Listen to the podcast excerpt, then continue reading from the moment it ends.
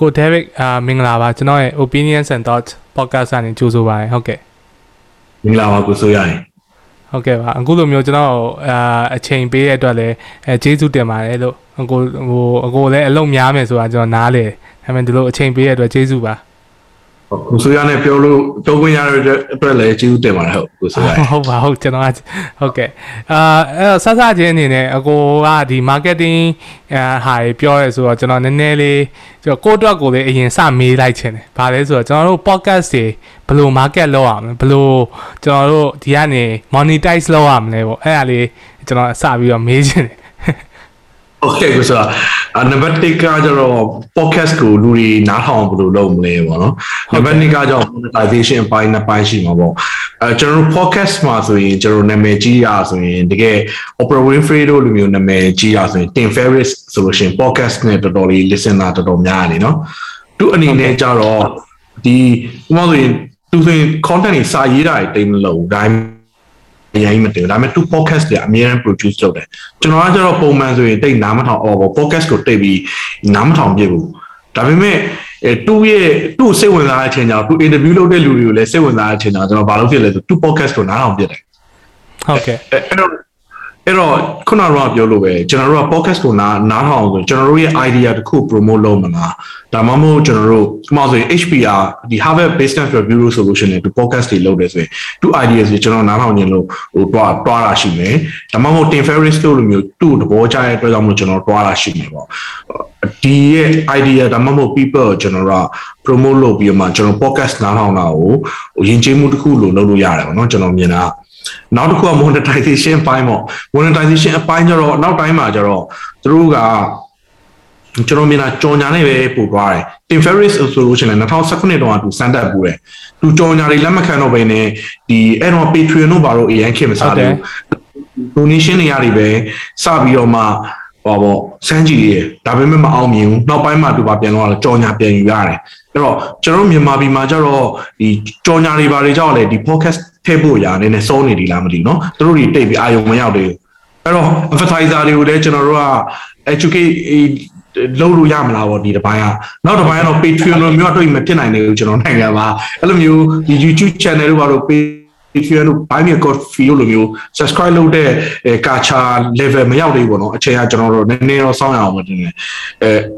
ဒါဒါမျိုးလုပ်မလားပေါ့တတိယကြောင့်ကျွန်တော်တို့တခြားနည်းနဲ့ monetize ပြန်လုပ်မလားပေါ့ ဥပမာဆိုရင်ကျွန်တော်တို့ရဲ့ information product ကိုဒီ podcast နဲ့မဆိုင်မင်းနဲ့ကျွန်တော်တို့ content နဲ့ရောင်းတာပေါ့ content economy မှာအဲ့ဒီသုံးခုတော့ကျွန်တော်ကျွန်တော်ခေါင်းထဲမှာပေါ်လာတယ်ခင်ဗျဟုတ်ကဲ့ဟုတ်ကဲ့ဟုတ်ကဲ့ကျေးဇူးပါကျေးဇူးပါအာအဲ့တော့ဟိုဟို ကိုဒေးဗစ်ကဒီ marketing ပေါ့နော် marketing consultant ဆိုတော့အဲကျွန်တော်ဟိုနားလေဟိုကျွန်တော်အဲဒီ marketing ဆိုတာဒီခေတ်အမြင်မှာဆိုဘယ်လိုအရင်တော့ 7P တို့ 4P တို့ဟိုဒါကျွန်တော်ကြောင်းတက်တော့တင်ခဲ့ရတဲ့ဟာတွေပေါ့နော်ဆိုတော့အခုကျတော့ဘယ်လိုဖြစ်သွားပြီလဲပေါ့ကျွန်တော်ကအခုဆိုရင်စာလည်းမဖတ်တာအဲ့လားကြာပြီဗျာသိရမလားအဲ့တော့ဘယ်လိုမျိုးတွေဖြစ်သွားပြီလဲပေါ့ theory တွေဒါမှမဟုတ်ဘယ်လို trend တွေနဲ့သွားကြလဲပေါ့ဟုတ်ကဲ့ marketing ဆိုတာဒီဘက်ခေတ်မှာဘယ်လိုမျိုးလဲပေါ့ဟုတ်ကဲ့ကျွန်တော်ကျွန်တော်လူ၃မျိုးပုံမူတီကျွန်တော်ရှင်းပြတဲ့ပုံစံ၃မျိုးဖြစ်သွားတာပေါ့နော်နံပါတ်1ကလုပ်ငန်းရှင်တွေပေါ့နံပါတ်2ကကျတော့ marketing ကိုစတင်လေ့လာမဲ့လူတွေပေါ့တတိယတစ်ခုတတိယတစ်ပိုင်းကျတော့ MBA ကျောင်းသားတွေပေါ့အဲ့တော့နံပါတ်1လုပ်ငန်းရှင်တွေကျတော့မေးရဆရာ branding marketing and sales အေးဘာကွာလဲပေါ့နော်မေးရ branding တော့အဲ့တော့ကျွန်တော်တို့အများတန်းပြောတာအလွယ်ကူဆုံးပြောလိုက်မယ်ဆိုလို့ရှိရင်လူတွေကိုဂတိပေးရတာကတော်တော်တော်ပေါ့နော်ဂတိပေးတာ branding လို့ခေါ်တယ်ကိုယ်လုပ်ငန်းနာမည်ကြားလိုက်တာနဲ့ဒါဘာရောင်းတာလဲဘာဂတိပေးတာလဲဆိုတာသိရပါဘောဟို3မိနစ်ပဲစောင့်လို့ကြားလိုက်တယ်ဒါဆိုတိသွားတယ်ဒါဘာလို့ဆိုမမခောက်ဆွဲအဲ့တော့သိအောင်လို့ဟို ကို promise ကိုလူတွေသိအောင်လုပ်တာဘာဖြစ်လဲဆိုရင်ကိုလူတွေသိအောင်လုပ်တာ branding marketing ကလူတွေစိတ်ဝင်စားအောင်လုပ်တာလို့လူတွေစိတ်ဝင်စားရင်ဘာလုပ်မလဲဆိုလို့ရှိရင်စုံစမ်းမိမြန်းမှုတွေလုပ်မယ်လူတွေစိတ်ဝင်စားအောင်လုပ်တာ marketing အဲ့တော့ကိုလုပ်ငန်းဒီစုံစမ်းမိမြန်းမှုနည်းနေဆိုတာ marketing မကောင်းလို့အင်းတကယ်လို့ကစုံစမ်းမိမြန်းမှုတော့ကောင်းတယ်ဝယ်တဲ့လူမရှိဘူးစိုင်နေတော့ခဏခဏဝင်လာတယ်ဒါပေမဲ့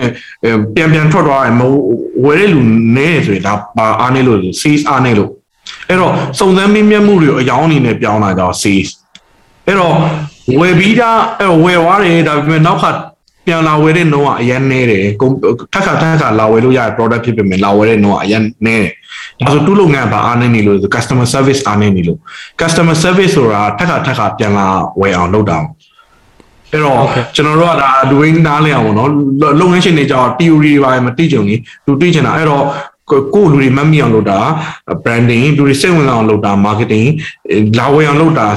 ဒီချက်ခါထက်ခါလာဝယ်အောင်လုပ်တာ customer service ပေါ့ဒါပေမဲ့ကျွန်တော်တို့ဒီ marketing စတင်လေ့လာမဲ့လူတွေကိုရှင်းပြရအောင်တမျိုးဖြစ်သွားတယ်အဲ့တော့ marketing ဆိုတာလူတွေဘာလိုချင်လဲဘာလိုအပ်လဲဆိုတာရှောက်ဖွေပေါ်ထုတ်ပြီးနှစ်ဦးနှစ်ဖက်အကျိုးရှိရှိဖြည့်ဆည်းတာကို marketing လို့ခေါ်တယ်ပေါ့နော်အဲ့ဒါစာရန်ဆန်သွားပြီပေါ့နော်အဲ့တော့ niche and west ကိုကျွန်တော်တို့ဘာလုပ်အောင်လဲဆိုရင် marketing ဆိုတာ process တစ်ခုပေါ့ ဘာလို့အောင်လဲဆိုလူတွေဘာတွေလိုအပ်နေလဲဘာတွေလိုချင်နေလဲဆိုတော့ဟို anticipate လုပ်နိုင်လားဒါမှမဟုတ်ရှာဖွေနိုင်လားပေါ့နော် finding လုပ်နိုင်လား research လုပ်နိုင်လားပြီးရင် fulfill လုပ်နိုင်လားပေါ့ဘယ်လိုမျိုးပုံစံမျိုးနဲ့လဲဆိုရင်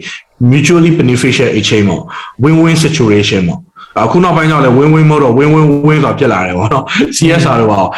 ကြောင့်ကျွန်တော်တို့က marketing လေ့လာတဲ့လူတွေကျွန်တော်တို့ကရှင်းပြတဲ့ definition ပေါ့ niche နဲ့ wants နဲ့ပွားတယ်ပေါ့နော်အဲ နောက်တစ်ပိုင်းကျတော့ MBA အခုနောက်ပိုင်းမှာကျွန်တော်တို့ပြောင်းလဲလာတဲ့ marketing ကျတော့အရန်ရှင်းတယ် social media ခေတ်မှာကျတော့ marketing is ဒီ customer engagement တွေလုပ်ပြီးတော့မှာတဲ့ managing profitable relationship တဲ့အော် customer engagement တွေတိစောက်တာဥပမာဆိုကျွန်တော် social media မှာ post တင်နေတွေနဲ့ engagement တိစောက်တယ်ပြီးတော့ဒီကမှာတစ်ဆင့်တော့ကိုကုန်ပစ္စည်းဝယ်တယ် profitable ဖြစ်တဲ့ relationship တွေတိစောက်သွားတယ် အဲအဲ့အရာဒီ marketing နဲ့ဒါဒါအခုနောက်ဆုံး test book မှာပါတယ်ရပါကျွန်တော်ကြိုက်တဲ့ definition နဲ့ဟုတ်တယ်ဗောနော်အဲ့တော့ marketing definition အဲကျွန်တော်တို့သုံးခုနဲ့ရှင်းပြလိုက်မယ်ဟုတ်ကဲ့ကျေးဇူးပါအဲ့တော့ marketing ဆိုတာအရန်ကျယ်ပြန့်တဲ့ အဲဟာပေါ့နော်အဲ့လိုကျွန်တော်ရမ်းကျဲပြနေသူ့အောက်မှာခုနပြောလို့ sales and မှာအဲကျွန်တော်တို့ဒီမှာဆိုတော့တုံးနေကြ sales and marketing တို့ branding တို့ department တွေအဲ advertising တို့အဲဒါတွေအကုန်လုံးကဒါတကယ်ဆိုတော့ marketing အောက်မှာပဲသွားတာပေါ့နော်အဲ့လိုပြောတာ marketing မှာကျွန်တော်ကဟောပေါ့နော် STP ဆိုတာရှိရယ် segmentation လောက်အပိုင်းပိုင်းတာ targeting ဆိုအဲ့ဒီအပိုင်းတွေမှာဘယ်အပိုင်းကို target ထားမလဲဆိုတာပေါ့ပြီးတော့ positioning ဆိုတာတော့ကိုကျွန်တော် 7P ဆိုတာနဲ့လုပ်တယ်7 MP မှာတော့ကုန်ပစ္စည်း product ဆိုတာရှိမှာပေါ့နော်ဟို product ပင် price ဆိုတာရှိမှာဥပမာဆို product မတူအောင်ဆိုရင်ကျွန်တော်တို့ကဖောက်တန်ပါတဲ့ note စီဆိုရင်ကျွန်တော်တီးပါ1 day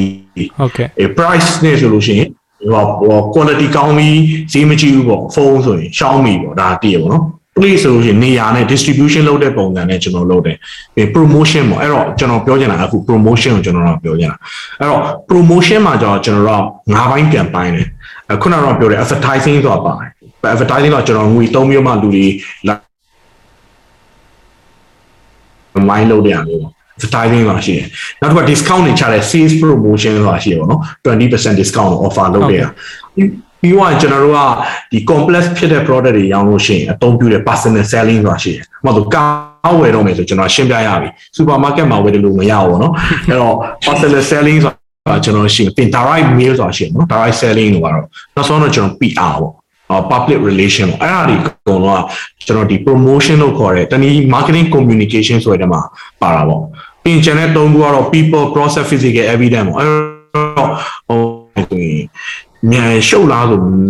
မရှုပ်ဘူးအရန်အရန်ဘာဖြစ်ရှင်းတယ် သူ့ရဲ့ framework နားလည်ကျွန်တော်တို့ကအရန်ရှင်းတယ်ဗျာ STP 7P ဒီထဲမှာတာပါတယ်ဆိုကျွန်တော်တို့ကဒါ T1 အရန်ရှင်းတယ်ဒါပေမဲ့လူအများစုတော့ဒီ industry တွေကိုရောက်လာရင်သူ test book တွေပါတယ်သူတိတ်မဖတ်ပြဘူးအဲကျွန်တော်တို့ကြတော့စာတင်တဲ့ background လာတဲ့ချိန်ကျတော့ဥပမာဆိုရင် ABE တင်တယ်ဆိုရင်ကျွန်တော်အဲ့စာအုပ်ကအလုပ်အလုပ်ကိုရနေပြီးတော့ကျွန်တော်တို့ test book တွေဒီ MB class တွေတင်တယ်ဆိုလို့ရှိရင်အဲ့ဒီ test book မျိုးစုံကျွန်တော်တို့ကြည့်နေရတဲ့အချိန်ကျတော့သူ့ရဲ့ framework ပေါ့နော်တင် thinking framework ကျွန်တော်တို့တင်နေတော့ဟောဒီ framework လေးတာတီသွားကျွန်တော် branding ကြီးလဲကျွန်တော်ညင်းရမလို့တော့လို့မြင်တယ်ကျွန်တော်မြင်တာဟုတ်ကဲ့အခုလိုရှင်းပြရကျေးဇူးပါအဲ့တော့လေဟိုအကို content တွေပေါ့ကျွန်တော်ကဟို Instagram သုံးတာများတော့ဟိုကို Derek ရဲ့ content တွေ video တွေပေါ့နော်အဲစိတ်ဝင်ကိုကကျွန်တော်လည်း video content တွေအရင်တော့လုပ်ခဲ့တာရှိရပေါ့နော်ရှိရဆိုတော့ ဟို pro production အနေနဲ့လုပ်ခဲ့တာဆိုတော့ကျွန်တော်စိတ်ဝင်စားဟိုဘယ်သူက production လုပ်ပေးတယ်ပေါ့ editing တို့အဲဒါမှမဟုတ် team ရှိတာ team မှာအကိုရဲ့ team မှာလူဘယ်နှယောက်လောက်ရှိတယ်ပေါ့ကျွန်တော်အဲ့ဒါလေးနည်းနည်းမေးကြည့်မေးကြည့်ကြအောင်ကျွန်တော်ကြာအဲ့ဒီ production background လာရဆိုအဲ့ဒါကိုစိတ်ဝင်စားအဲဘယ်သူကအတန်ဖမ်းပေးတဲ့ဒီဟာရုံးတဲ့အတန်ပြန်ပြီးတော့ဟိုဂျားညံ editing တွေပါဘယ်သူလုပ်ပေးလဲပေါ့ဟုတ်ကဲ့အဲ့ဒါလေးစိတ်ဝင်စားလို့ပါအဲကျွန်တော်ကိုဗစ်မဖြစ်ခင်တော့ကိုကနေကိုဘယ်လိုလဲ အကုန်လုံးကလေအဲ့တော့80ရာခိုင်နှုန်းကကျွန်တော်ကိုယ်တိုင်လောက်တာပေါ့ဟိုကိုရိုက်တာလည်းကိုပဲလောက်တာလည်းကိုပဲ80ရာခိုင်နှုန်းကဒါပေမဲ့ဒီဗီဒီယိုရိုက်တာကြောင့်20ရာခိုင်နှုန်းလောက်ကကျတော့ကျွန်တော်အတိတယောက်ဟိုလိုက်ရိုက်ပြီးတယ်သူကကင်မရာမန်ပေါ့ဟုတ်ကဲ့အဲ့တော့အတင်းတင်းလောက်တာလည်းအရင်တော့ကိုကနေကိုပဲကိုဗစ်ကာလတော့ကျတော့ကျွန်တော်ညီကအတင်းလုပ်ပြီးတယ်ဒါပေမဲ့သူလုပ်ပြီးတာ10ခု10ခုခု20လောက်ပဲရှိမှာပေါ့အဲ့တော့အဲ့တော့ကိုကနေကိုပဲရိုက်တာများတယ် ဒါပေမဲ့ကျွန်တော်ဘာလုပ်ထားလိုက်လဲဆို system တစ်ခုထားထားလိုက်တယ်ကျွန်တော်ဗီဒီယိုဆိုရင်တွေ့တွေ့လိမ့်မယ်ဒီ Facebook လို့ပေါ့မှာဆိုကျွန်တော်5 step process ပဲတွားတယ်အဲ့တော့အကြောင်းအရာတစ်ခုပြောလာပြောချင်လို့ရှိရင်တွားတယ်တွားတဲ့ process လေးပေါ့ opening လုပ်တယ် introduction လုပ်တယ်ကိုပြောချင်တဲ့ body ပြောတယ်ပြီးရင်ကျွန်တော်တို့ summarize လုပ်ပြီးဒီဒီသူ share လုပ်တာဘာလုပ်တာကျွန်တော်တို့ပြောရပေါ့အဲအဲ့ system လေးတစ်ခုထားထားလိုက်တယ် video 80ရာခိုင်နှုန်းကကိုယ့်အနေကိုလုပ်တယ်ပေါ့ဒါပေမဲ့ခုနောက်ပိုင်းကျတော့ကျွန်တော်အဲ့အတင်းလုပ်ရတာတော်တော်အချိန်ကုန်တယ် အချိန်ကုန်တော့အခုနောက်ပိုင်းတော့ကျွန်တော် outsource လုပ်ဖို့စဉ်းစားရရပေါ့ဒါပေမဲ့ကျွန်တော်အခု February လကနေပြီးတော့ဒီဒီအချိန်ထိကကျွန်တော်ဗီဒီယိုကမရိုက်ဖြစ်ဘူးဒီဒီ February 9ရက်နေ့နောက်ပိုင်းကလေးကမရိုက်မရိုက်ဖြစ်ဘူးအဲ့တော့ TikTok မှာဗီဒီယိုလေးတွေဒါလုပ်ဖြစ်တာ TikTok ဗီဒီယိုကြောက်လဲကျွန်တော်က2မိနစ်3မိနစ်လောက်ပဲကြာတဲ့အချိန်ကြောင့်ပေါ့ပေါ့ပါပါ ဖြစ်တယ်ပေါ့နော်တကယ်တမ်းဒီ Facebook တို့ဘာလို့မရိုက်ဖြစ်ဘူးဟိုနေ့ကတော့ကျွန်တော် YouTube မှာဗီဒီယိုတစ်ခုတစ်ခုရိုက်ဖြစ်တယ်အဲ့ဒါလည်းကိုယ့်အနေကိုရိုက်ပြီး editing အောင်တေချာမလုပ်လိုက်ဖြစ်ဘူးပေါ့နော်ကျွန်တော်တင်ပြတော့တကယ်တမ်းအဲ့ editing ကောက်ကောင်းတဲ့ဒီနေရာ lighting ကောက်ကောင်းတဲ့ရိုက်တဲ့ဟာကြောင့်ကျွန်တော်လိုက်ရိုက်ပေးတဲ့ညီလေးတယောက်ရှိတယ်ဟောဟုတ်ကဲ့ဟုတ်ကဲ့အဲ့ဒါလေးမေးကြည့်ရပါဟိုဒီမှာတော့တိတ်မရှိဘူးကျွန်တော်ဆိုကြိုက်တယ်ဗျာဟို YouTube မှာဆို Gary V တို့ဘာတို့ကတော့လူတိုင်းတိတိမှာပေါ့နော် Gary V တို့ဒီ Chris တို့ဒီဟာတွေကတော့အဲ့လိုမျိုးပေါ့နော်ဟိုအဲဒီမှာလည်းအဲကို David ကကျွန်တော်လည်း TikTok အရင်တော့စပြီးတော့ပွင့်နေပြောခုမဖြစ်ခင်ကျွန်တော် TikTok သုံးတယ်ဗော TikTok သုံးတော့ဟိုအာ bro ဟာပေါ်လာတော့ကျွန်တော်အဲ့မှာစပြီးတော့တိတာဗောနော် TikTok ကနေတိတာအဲပြီးတော့မှဟိုဟာဖြစ်တာဗောနော်အဲ Instagram တို့ဘာတို့ပြန်ပြီးတော့ဟိုဖြစ်ဖြစ်တာအခုကျတော့ TikTok မသုံးတော့တော့ Instagram မှာပဲကြည့်ဖြစ်တာဗောဟုတ်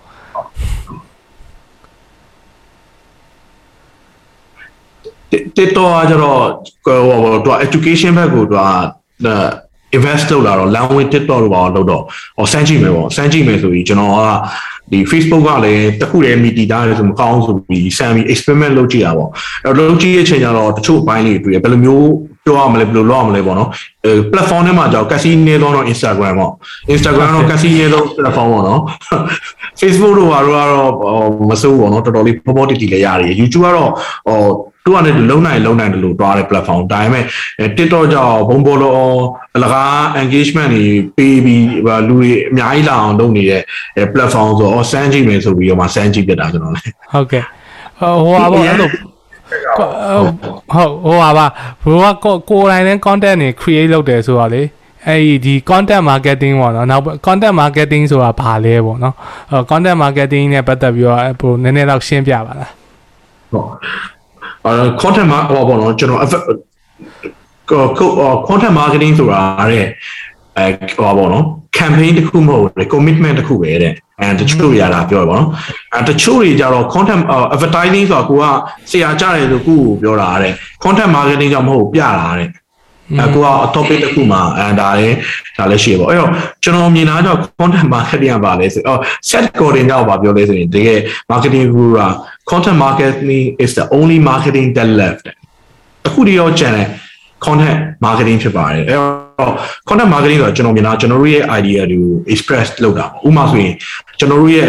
အဲအမှတ်တစိတစ်ခုမှာဆိုလို့ရှိရင်သူ့ရဲ့ယုံကြည်မှုတွေတန်ဖိုးထားမှုတွေအဲသူ့ရဲ့ idea တွေရှိနေဒီ idea တွေကိုကျွန်တော်တို့ကချပြတာကိုကျွန်တော် content marketing လို့ခေါ်တာပေါ့ဒါပေမဲ့သူ့မှာ sweet spot တစ်ခုတော့ရှိရပါတော့ကိုပြောချင်တာနဲ့ကို audience နားထောင်ချင်တာရဲ့ဂျားတဲ့ sweet spot ကိုကျွန်တော်အဓိကပြောတာပေါ့ဒါပေမဲ့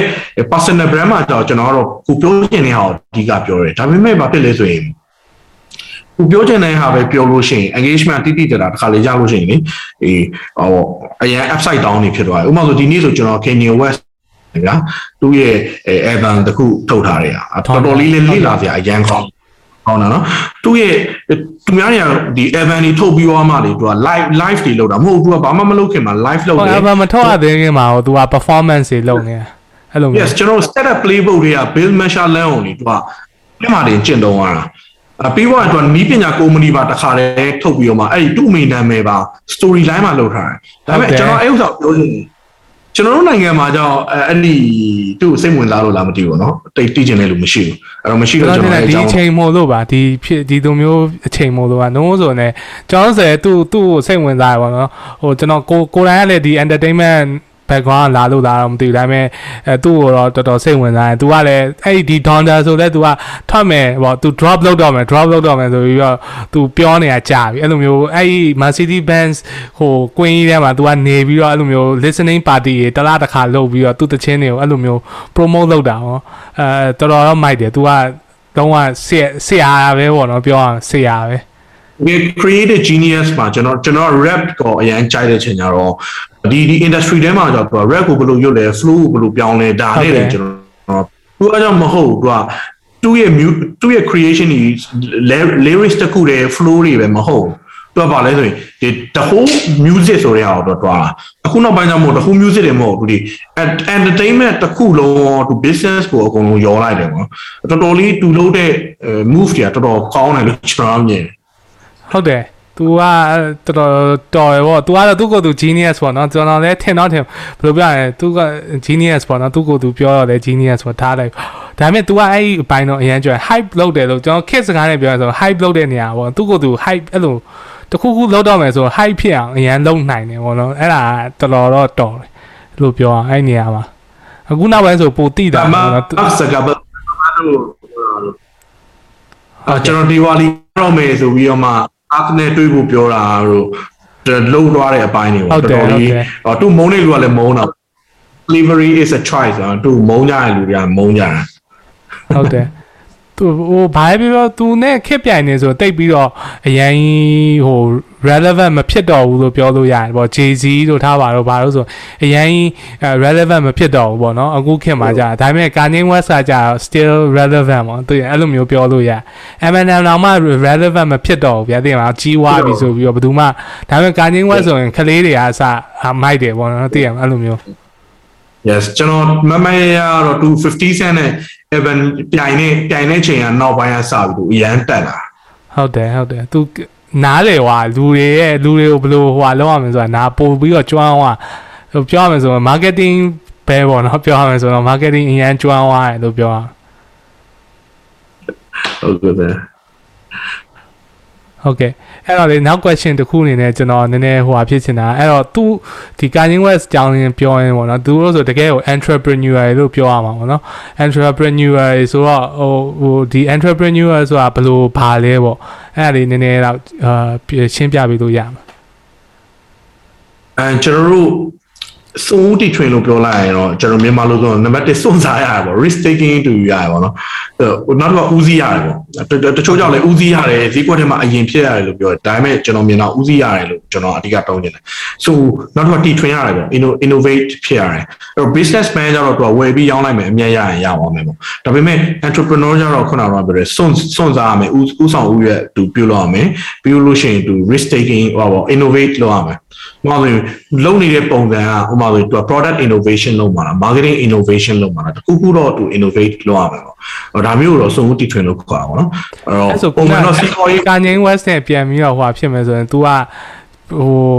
marketing ဘက်မှာစွန့်ဦးတည်ထွင်လို့ပြော product ကတော့တချင်းတော့တချင်းပဲပေါ့နော်ပြောရမှာပေါ့အဲ့လိုမျိုးပဲပြောရမှာ तू ဒီသူ့ရဲ့ marketing technique ဘက်မှာ तू ကအဲ့လိုမျိုးစွန့်ဦးတည်ထွင်လောက်သွားတယ်လို့ပြောရမှာပေါ့နော် ဟုတ်တယ်အဲအဲ့ဒီ marketing ဘက်မှာလုပ်တယ်ပြီးတော့သူ့ရဲ့တချင် Hawaii မှာသူ့ရဲ့ team တွေခေါ်ပြီးတော့မှတီးွားတာကိုဟို interview ပြန်လုပ်တဲ့အချိန်မှာသူဒီအလုပ်ဘလို့လုပ်တဲ့အကြောင်းသူ့ရဲ့ team mate တွေပြန်ပြောပြတာဒါတွေကဘာလို့ထွက်လဲ story line တခုသူသူဖန်ပြီးွားအောင် Taylor Swift နဲ့ပြောလိုက်တယ်လူတွေကသူ့မုန်းနေတဲ့အချိန်မှာသူဘာဖြစ်လဲဆိုရင်သူတွားတွားပြီး music ဖန်ပြီးရသူ့ဘဝမှာအကောင်းဆုံး music တခုခဲတစ်စစ်ချိုးပြန်ဖြစ်လာတယ်ပေါ့အဲ့တော့ဒီဥစ္စာတွေကဘာလဲဘာလဲဆိုရင်တကယ်လူတွေစိတ်ဝင်စားအောင်သူက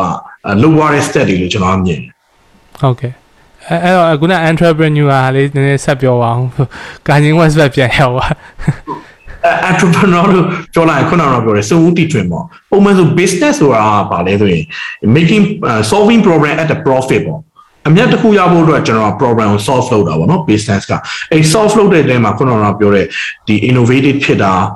ပြီးသွားလို့ရှိရင်ကျွန်တော်တို့ risk taking လောက်တာပေါ့ risk taking ဆိုတာကျွန်တော် downside risk ကိုကြည့်ပြီး upside potential ဘယ်လောက်များနိုင်လဲဒါကိုကြည့်ပြီးသူကလောက်တာမျိုးတော့ entrepreneur လို့ကျွန်တော်မြင်တယ်ဟုတ်ကဲ့အဲ့တော့ဒီဘက်မှာခင်မှာကျွန်တော်တို့ဥဒီကုဒီကိုဗစ်တွေမတိုင်ခင်ရဆိုရင်တော့ဟို entrepreneur လို့ကိုယ့်အကိုပြောတဲ့လူတွေအများကြီးပဲရှိခဲ့တယ်ပေါ့နော်အဲ့တော့အာဘယ်လိုပြောရလဲ entrepreneur တယောက်မှာအဲ့လိုမျိုးအစ်စ် လို့ပြောရမှာဘယ်လိုပြောရလဲတချို့ကြတော့ဟိုဒါသူဘယ်သူမှတိုက်ခိုက်တာမဟုတ်ဘူးပေါ့နော်ကျွန်တော်မြင်နာတွေ့ရတာလေဆိုရင်အာဘယ်လိုခေါ်မလဲဟိုအမိဘ funding နဲ့အဲအဲ့လိုမျိုးပေါ့နော်ဒါမှမဟုတ်လေဟိုကိုဟိုချိပြီးသားအလုပ်ကိုမှဝင်လုပ်ပြီးတော့မှပြန်အဲအကိုကိုကိုအဲ့လိုမျိုးကြာရင်ပြီးရင်သူတို့ကသူတို့က entrepreneur တွေပါပေါ့အဲ့လိုမျိုးဆိုတာသူတို့အဲ့လိုလူတွေဟောတကယ် entrepreneur အဲလို့ ခေါ်ကျွန်တော်ပြောချင်တာဗျာသူတို့ကမတော်ဘူးလို့ပြောမှာမဟုတ်ဒါပေမဲ့ဒီ term နဲ့သူတို့လုပ်တဲ့အလုံးနဲ့ကဟိုကိုက်ညီမှုရှိတာပေါ့နော်အဲ့လိုမျိုးတွေမေးမေးကြည့်တာပါဟုတ်ကျွန်တော်မြင်တာကဒီ entrepreneur ဆိုတဲ့စကားလုံးကိုဒီ promote လုပ်တာများလာတဲ့အချိန်ကျတော့လူတွေက cool ဖြစ်တယ်ဆိုတာ ਨੇ တွေ့လာတာပေါ့နော် entrepreneur ဆိုတော့ creative ဖြစ်တယ် innovative ဖြစ်တယ်ပေါ့အမှန်တော့ဟိုတနေ့ကလည်းကျွန်တော်ဗီဒီယိုတစ်ခုတွေ့လိုက်တယ်အဲဒီအဲ့တော့ rapper လို့ပြောလိုက်ရင်ဟုတ်ပြီအဲ rapper ဆိုရင် rap ကျွတ်ပေါ့ rap rap ရုပ်ပြဘယ်လောက်ရွတ်တက်လဲပေါ့နော်ဘာလို့လဲဆိုရင် rapper တိုင်းကြီးအောင်မြင်တာမဟုတ် entrepreneur တိုင်းလည်းသူအောင်မြင်တာမဟုတ်ဘူးเนาะ entrepreneur ဆိုတာရှိမယ် successful entrepreneur ဆိုတာရှိမယ်ပေါ့ อืม အဲအဲ့တော့မတူပါဘူးအဲ့တော့အာ entrepreneur ဆိုတာ ਨੇ သူဟာမဟုတ် entrepreneur entrepreneur ပဲဒါပေမဲ့အဲ့ထဲမှာမှအာ successful entrepreneur လားဒါမှမဟုတ်တာမန်မဲလားเนาะဟောဒီဒီအပြန်ကွာသွားတာပေါ့ကျွန်တော်မြင်တော့အဲ့ဒီစကားလုံးကခုဖြစ်တဲ့ချိန်ကျဘာလို့လဲဆို entrepreneur ပေါ့နော်အဲအများစုကအဲ့ဒါပြောကြတာ อืมအဲ့လိုဖြစ်သွားဟုတ်မှာပေါ့ဟိုတုံးတဲ့အတိုင်းဝိုင်းမှာဒီဒီစကားလုံးကိုပြောလိုက်ရင်ခူးအဲ့လိုမျိုးပေါ့ခူးဖြစ်တယ်တခုခုသူ့လူထင်ကြီးမယ်ပေါ့နော်ကျွန်တော်ကတော့တဲ့ပဲပြောလိုက်ဟောအဲ့လိုမျိုးထင်မယ်ထင်လို့သူတို့ပြောပြောတုံးတုံးတုံးဖြစ်သွားပါပေါ့အခုပြောအမှန်ပါအဲ့လိုခူးဖြစ်တဲ့ factor တခုပေါ့ အဲကျွန်တော်အဲ့ဒီဟာပေါ့လေဟိုစဉ်းစားမိစာအုပ်တော့တောင်ရှိသေးတယ်ဟိုဒီ cool ကိုဘယ်လိုရောင်းရမလဲပေါ့ how to be cool လား how to sell coolness လားမသိအဲ့လိုစာအုပ်တော့ကျွန်တော်တွေ့ဘူးရပေါ့နော်အဲ့တော့ဒီဘက်ခင်မှာအဲ့ cool ဖြစ်တဲ့ဟာကိုဟိုဘယ်လိုဘယ်လိုမြင်လဲပေါ့အဲ့ cool ဖြစ်တဲ့ factor နဲ့အာအဲ့လိုမျိုးပေါ့နော်ဥပမာ fashion ပဲဖြစ်ဖြစ် design ပဲဖြစ်ဖြစ် marketing ပါပဲဖြစ်ဖြစ် cool ဖြစ်တဲ့ဟာဟိုလူတွေကဟိုကြိုက်ကြရပေါ့နော်အဲ့တော့ cool ဖြစ်အောင်ဘ ယ်လိုဘယ်လိုလုပ်ရင် cool ဖြစ်မလဲပေါ့ဟာ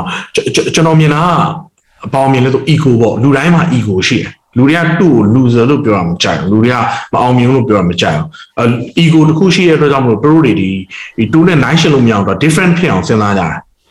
အဲ့တော့သူနဲ့ငါနဲ့တော့မတူဘူးပေါ့နော် different ဖြစ်အောင်စဉ်းစားရင်းနဲ့အဲ့ဒီ different ဟိုမှာ marketing သမားတွေကဘာဖြစ်လဲဆိုရင်ဥပမာဆိုရင်ရှုံးနေနေရရှုံးနေနေရမဟုတ်ဘူးသူတခြားအတိတ်ပဲပြောင်းပြီးသူ perception ကို အပြောင်းလဲလုပ်ပြီးတော့သူ promote လုပ်တာပေါ့ဥပမာဆိုဝါတယ်ဆိုတော့ဝါတာရှက်ဆရာမဟုတ်ဝါတာလာတာပဲအဲ့တော့သူကဘာဖြစ်လဲဆို plus side တွေသူရောင်းတယ်အခုကိုလက်ခံဖို့အရေးကြီးတယ်အရေးကြီးတော့ဘာဖြစ်လဲဆိုရင်လူတွေကိုဘာဖြစ်လဲဆိုရင်အဲဟောနော် ဒီဒီပုံစံတိုင်းကျွန်တော်တို့တွားတာပေါ့ဒါနဲ့ပတ်သက်လို့ဆိုကျွန်တော်က PR PR နဲ့ပတ်သက်လို့ဆိုလို့ရှိရင်ကျွန်တော်တို့ကအရင်တော့ဆိုနွားနို့မတောက်ဘူးလေနွားနို့မတောက်တော့နွားနို့တိတ်မတောက်တော့ဒီနွားနို့တွေကပုံနေတာပုံနေတဲ့အချိန်ကျတော့ God Make campaign တို့ campaign တို့လိုမျိုးလူတွေနွားနို့တောက်တာကောင်းပါတယ်ဆိုတဲ့ဟာမျိုးကိုကျွန်တော် Edward Brand name ဆိုတာရှိတယ်သူကဒီဒီဒီ psychology မှာဆိုကျွန်တော် Simon Friday ရဲ့သူသူက nephew အော်ကျွန်တော်တို့ လုံးဝလေ dream interpretation တွေအကြောင်းရေးခဲ့တဲ့သူ့ရဲ့သူ Edward Brand name ဆိုတာရှိတယ်သူက father of ကျွန်တော်တို့ဒီ public relation လို့ပြောရမှာပေါ့အဲ့တော့နွားနို့မတောက်တော့သူ့ငားတဲ့ချိန်ကျတော့ဘာလုပ်လဲဆိုဆရာဝန်တွေလိုက်မေးရနွားနို့ကောက်တောက်တာကောင်းလားမကောင်းလားအဲ့တော့ဆရာဝန်မောင်သူ2000လား1000လားမသိဘူးပေါ့နော်မေးရတာမေးတဲ့အချိန်မှာအကုန်လုံးက yes လို့ဖြေကြတယ်အဲ့တော့ဆရာဝန်တွေကနွားနို့တောက်တာကောင်းတယ်လို့ ပြောရဲဆိုရင်တော့ဘာလို့လဲ campaign သူစ run တယ်အခုနောက်ပိုင်းဆို god made campaign လို့သူ run ကြတွေ့မှာပေါ့အဲ့တော့နောက်ပိုင်းကျလူတွေက non တော့ရင်ကောင်းတယ်အယုစစ်တန်ပါတယ်ဆိုရမျိုးကျွန်တော်တို့ဖြစ်လာပြီးဒီဒီ mainstream ပေါ်ရောက်လာတာပေါ့ဒီဒီ PR နဲ့လည်းဆိုင်မယ်လို့ကျွန်တော်မြင်တယ်ဟုတ်ကဲ့ဟုတ်ကဲ့ဟုတ်ကဲ့ဟိုဟိုဟာဗောလေဒီကိုအခုပေါ့အခုဟိုကို Derek ဆိုတဲ့ဒီလိုမျိုးဘာပဲပြောပြော influencer တယောက် ဖြစ်လာဟိုလို့ပဲပြောရမှာပေါ့နော်အဲ့တော့ကိုကိုကိုကိုဘယ်လိုမြင်လဲပေါ့အဲ့လိုမျိုး influencer လားဒါမှမဟုတ်အဲ့လိုဟို marketing အာ marketing guru ဘယ်လို marketing ဆရာတယောက်လားဘယ်လို yes အဲ့တော့ကျွန်တော်ကခုဘယ်လိုမြင်လဲဆိုရင်နှစ်ပိုင်းပေါ့ကျွန်တော် entrepreneur ဖြစ်တယ် အဲနော်ကျွန်တော် entrepreneur ဖြစ်တယ်နောက်တစ်ပိုင်းကတော့ကျွန်တော် marketing consulting ကျွန်တော်လုပ်တယ်ကျွန်တော် client အများဆုံးကဒီ SME တွေများတယ်ကိုယ်တိုင် marketing မလုပ်တဲ့လုပ်ငန်းရှင်တွေပေါ့သူတို့မှာ marketing team ရှိတယ်အဲဒီ local တွေများတယ် local တွေများတယ်ကျွန်တော်တို့အဲ MMC တချို့ကျတော့ကျွန်တော် training လောက်ပဲကျွန်တော်အဓိကတော့တော့ပေးတယ်ကျွန်တော်က coaching လုပ်တဲ့အဓိက consulting ဆိုတာ coaching ကပုံများမှာပေါ့ ဟုတ်ကဲ့ consulting ကြောင့်ကျွန်တော် specific program တခုဖြည့်ရှင်းအောင် coaching ကြောင့်တော့ development model အရာတွားတာဖြစ်တဲ့ကြောင့်မို့ကျွန်တော် coaching လုပ်တာပုံများတယ်အဲ့တော့ကိုကူကူဘယ်လိုမြင်လဲဆိုရင်ကျွန်တော်ကျွန်တော်အဓိက solve လုပ်တဲ့ပြဿနာနှစ်ခုရှိတာပေါ့နော်နှစ်ခုလို့ပြောလိုက်ရသုံးခုလို့ပြောလိုက်ရအဲဟော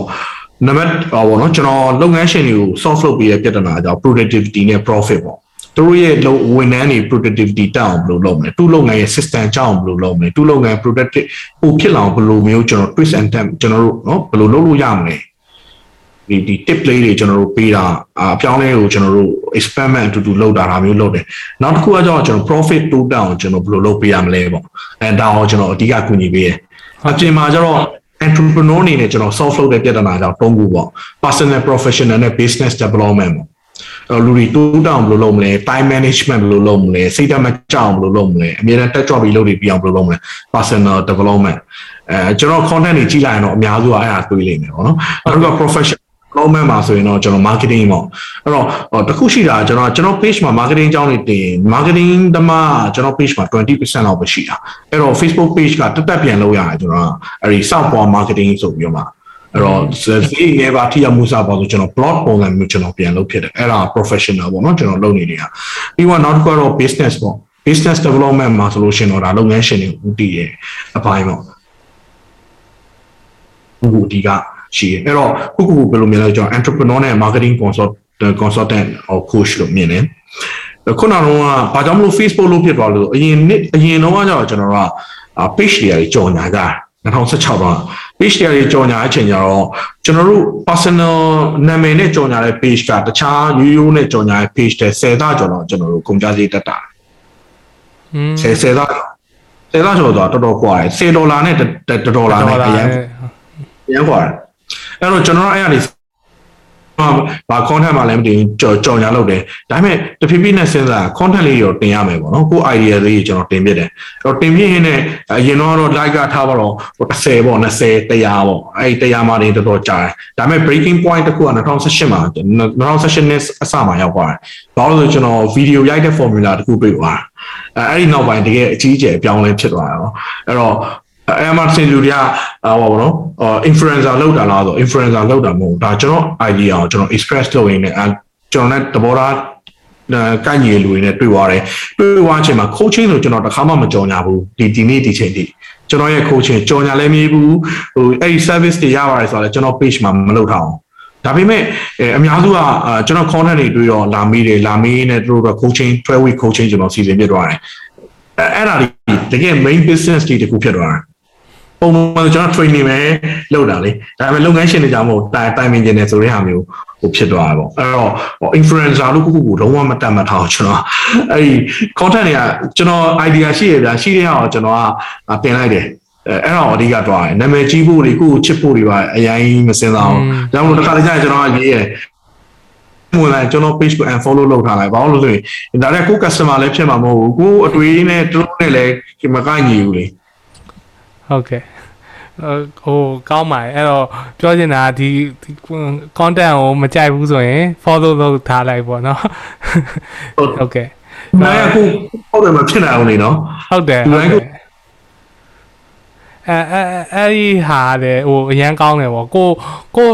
ဟိုဘယ်လိုခေါ်မလဲကို value ကိုကိုသိတယ်အဲ့လိုမျိုးပေါ့နော်ငါအဲ့လိုမျိုးပြောရမှာပေါ့ကိုပေးခြင်းတဲ့ဟာကိုကိုကိုဘာဖြစ်ခြင်းလဲဆိုတာအတိအကျသိတာပေါ့နော်ကျွန်တော်ဟိုတော်တော်များများဟိုဟိုခုခေတ်လူငယ်တွေရောအဲ့လိုမျိုးပေါ့နော်ကျွန်တော်တို့ခေတ်မှာဆိုလည်းရှိပါတယ်တော်တော်များများကိုကိုဘာဖြစ်ခြင်းမှမသိတာတော်တော်ဆိုးရပေါ့နော်ကျွန်တော်တို့လည်းအရင်တော့ဆိုမသိခဲ့ဘူးကိုကကိုဘာဖြစ်လို့ဖြစ်ခြင်းမှမသိဘူးသိရမလားဟို10တန်းပြီးကစား20ကျော်တော့တော့ဆိုရင်ဒီတိုင်းပဲ ဘာမှမသိဘူးသိရမှာဘာဖြစ်လို့ဘာဖြစ်ချင်လဲဆိုငငယ်တော့မင်းရင်လည်းအဲသူများတွေကပြောသိရလူကြီးတွေကပြောလို့အင်ဂျင်နီယာဖြစ်ချင်တယ်လို့အာဒီဆရာဝန်ဖြစ်ချင်တယ်ရှောက်ပြောခဲ့ရတယ်သိရမှာတကယ်တော့ဘာဖြစ်ချင်မှမသိဘူးဟိုပြီးတော့ဟိုဟိုဒီလုပ်ငန်းနဲ့ပြောရမယ်ဆိုရင်ကျွန်တော်ထင်တယ်တချို့အကိုလည်းကြုံမှုမှာပေါ့နော် client နေဆိုရင်ဘာဖြစ်ချင်မှမသိတာကြုံကြုံရမှာပေါ့နော်အဲ့လိုမျိုးရှိမှာပေါ့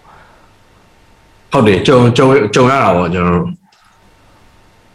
အဲ့တော့ဟောပေါ့ client တော့ကျွန်တော်မြင်တာကလေ low end client ကနေအများဆုံးမသိဘူးဒါပေမဲ့ high end client အများဆုံးသူဘာလို့ကျင်လဲဆိုတာသိတယ်အဲ့တော့ကျွန်တော်တို့ကလုပ်ငန်းတစ်ခုလုပ်ပြီဆိုရင်ဟိုကပို့ပြီးအောင်မြင်ခြင်းနဲ့ဆိုရင်အောင်မြင်တဲ့လူတွေကိုအောင်မြင်အောင်ကူညီပေးရတာပိုလွယ်တယ်ဗျာအဲ loser တွေကိုကျွန်တော်တို့က winner အဖြစ်ပြောင်းဖို့အတွက်ကြောင့်သူ့ရဲ့ mindset ကိုကျွန်တော်ပြောင်းရတာအချိန်တော်တော်လေးအေးပေးရတယ်ပေါ့ဥပမာဆိုရင်ထားပါကျွန်တော် design မှာဆိုလို့ရှိရင်လည်းအဲ့လိုပဲလူကူဗျာအာဒီထားပါတောင်းကနန်းလောက်နဲ့ပဲတုံးကျင်တဲ့လူအရင်ပြောလို့မလွယ်ဘူးလေအဲ့တော့ဒီ client တွေကကိုယ် client မဟုတ်ဘူးသူကတီးလိုက်လို့ရှိရင်ကျွန်တော်တို့ကကိုယ် client ဘယ်လိုလဲဆိုတော့ iron set လိုက်လို့ရှိရင်ရသွားတယ်ပေါ့ကျွန်ကျွန်တော်ကတော့အဲ့လိုမြင်တယ်ဟုတ်ကဲ့ဟုတ်ကဲ့ပါအ ပြီးတော့လေဒီဒီကျွန်တော်တို့ဟိုအကိုပြော S အကိုဟို client နေမှာဆိုရင်ဒီလို SME တွေများတယ်ဆိုတော့လေဟိုအဲဒီကျွန်တော်တို့ traditional တချို့ကြတော့လေကျွန်တော်ဟိုစိတ်ဝင်စားလို့မေးကြည့်ရအောင်နော်တချို့ကျွန်တော်ကျွန်တော်အိမ်ဆိုတဲ့အရင်တော့အဲ့လိုအာဒီဘယ်လိုခေါ်မလဲ travel and tour လုပ်တယ်ပေါ့နော် travel and tour လုပ်တယ်ဆိုရင်ဒါသူတို့ပုံမှန်လုပ်လာတာပဲပေါ့နော်ကျွန်တော်ဟိုနောက်ပိုင်းအခုတော့မလုပ်ဖြစ်တော့ပါဘူးဒါပေမဲ့ကျွန်တော်ဟိုဟာဖြစ်တဲ့အချိန်မှာကျွန်တော်အဲ့လိုမျိုးပေါ့ try ကြည့်မလို့ပေါ့နော်အဲအိမ်ရဆိုတာကျွန်တော်ဦးသေးနဲ့အမေနဲ့ပေါ့နော်အဲ့လိုမျိုးပေါင်းပြီးတော့ဟိုသူတို့ငငယ်တုန်းကလှုပ်ထားတဲ့ဟာမျိုးဆိုတော့ကျွန်တော်ဒီဒီဘက်ကျွန်တော်လည်းဒီအလုပ်လုပ်တဲ့အရွယ်တွေပါရောက်လာနည်းနည်းအဲ့လိုဝင် try ကြည့်တာပေါ့နော် try ကြည့်တော့တချို့ဟာတွေက ကျွန်တော်တို့ခက်အမြင်နဲ့သူတို့အမြင်တွေနဲ့ကြာမတူဘူးပေါ့နော်အဲ့ခါကျရင်ကိုကဟိုပြောရအရန်ခက်တယ်သိရမလားဟိုအာရုံးမှာအဲ့လိုမျိုးပေါ့ဟိုကိုပြောခဲ့တာမျိုးဆိုရင်ဒီလိုမျိုး productivity တို့ profit တို့တိုးဖို့ဆိုရင်ကျွန်တော်ဆိုတော့အာဟိုစာရွက်တွေမတုံးနဲ့တော့ပေါ့နော်အဲ့လိုမျိုး filing system တွေပါပြောင်းမယ်တို့အာတချို့နေရာတွေမှာအဲ့လိုမျိုးပေါ့နော်လိုရဲ့ဟာဥမာထားပါတော့ဗျာအာ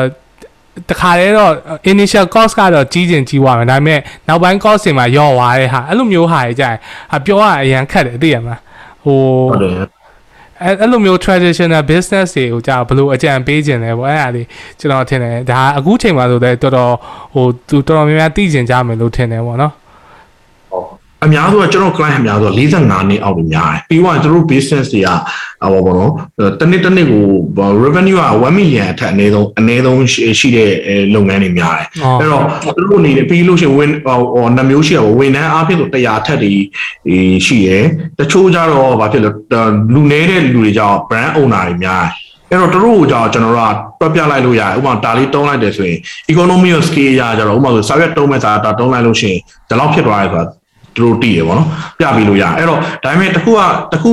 ဟိုရှိနိုင်တာကကြောင့်တို့ကဒီနီးပညာမတုံးမှုတဲ့ချိန်ကျတော့ဘယ်လိုဖြစ်မလဲဆိုပြီးကြာဟောပေါ့နော်နည်းနည်း worry ဖြစ်တဲ့အမျိုးရှိတတ်တယ်အချိန်ကျရင်ကျွန်တော်တို့ကဘာလုပ်ပြီးလိုက်လဲဆိုရင်အရင်ဆုံးကျွန်တော်တို့လုပ်ထားတဲ့ test လုပ်ထားတဲ့အရင်ဆုံး test လုပ်ပြီးလိုက်တယ်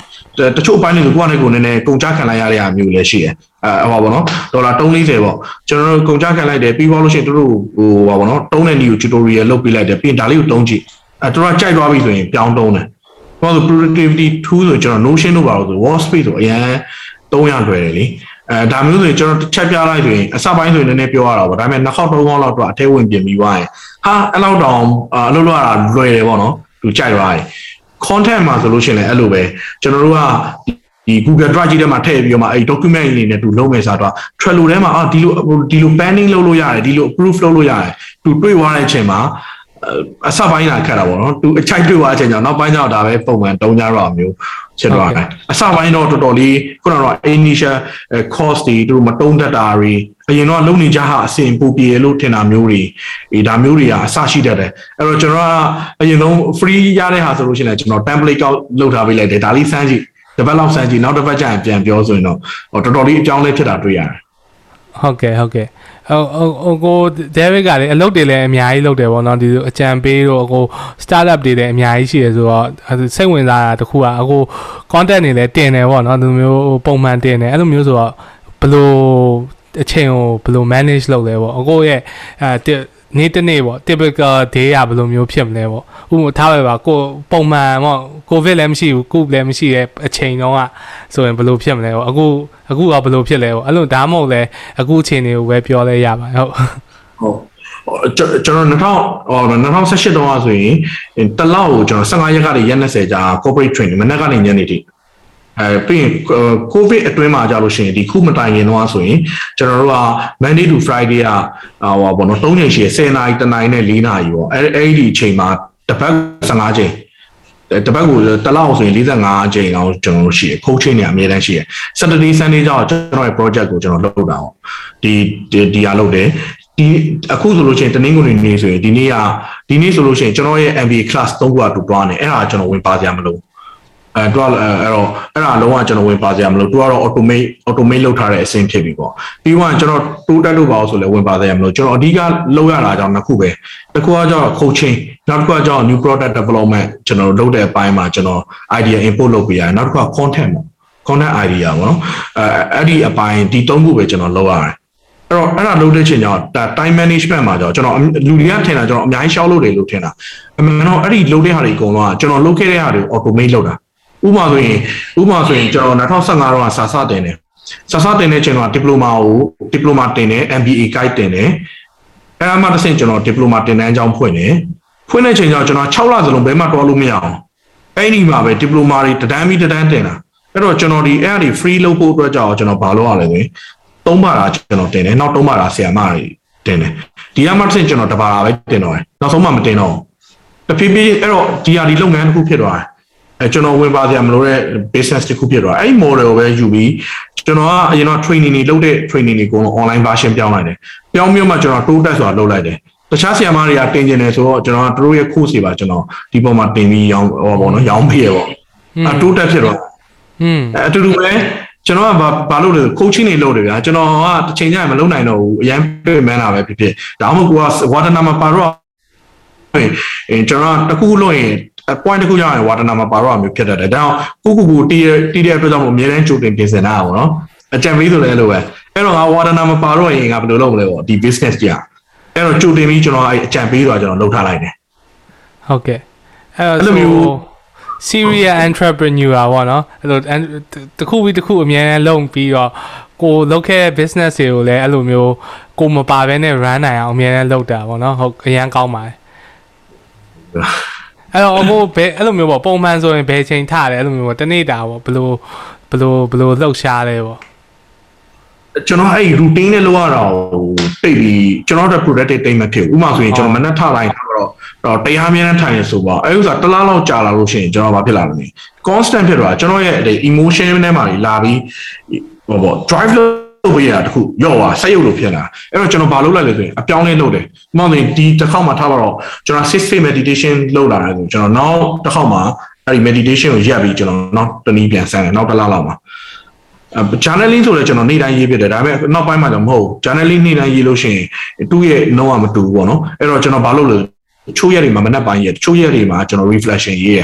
အဲ balance ဆိုလည်းကျွန်တော်တော့ဒီဒီ meditation that adapt view ဆိုကျွန်တော်အဲ့ဒါလည်းအဲတုံးပြတယ် အရင်တော့ကျွန်တော် heart space တွေပါတော့တုံးတော့အဲ့တော့ဘာလုပ်လဲလို့ကိုယ့်ရဲ့ routine ကိုနေပြောင်းပြီးတော့မှစမ်းကြည့်အဲအဲ့တဲ့ချိန်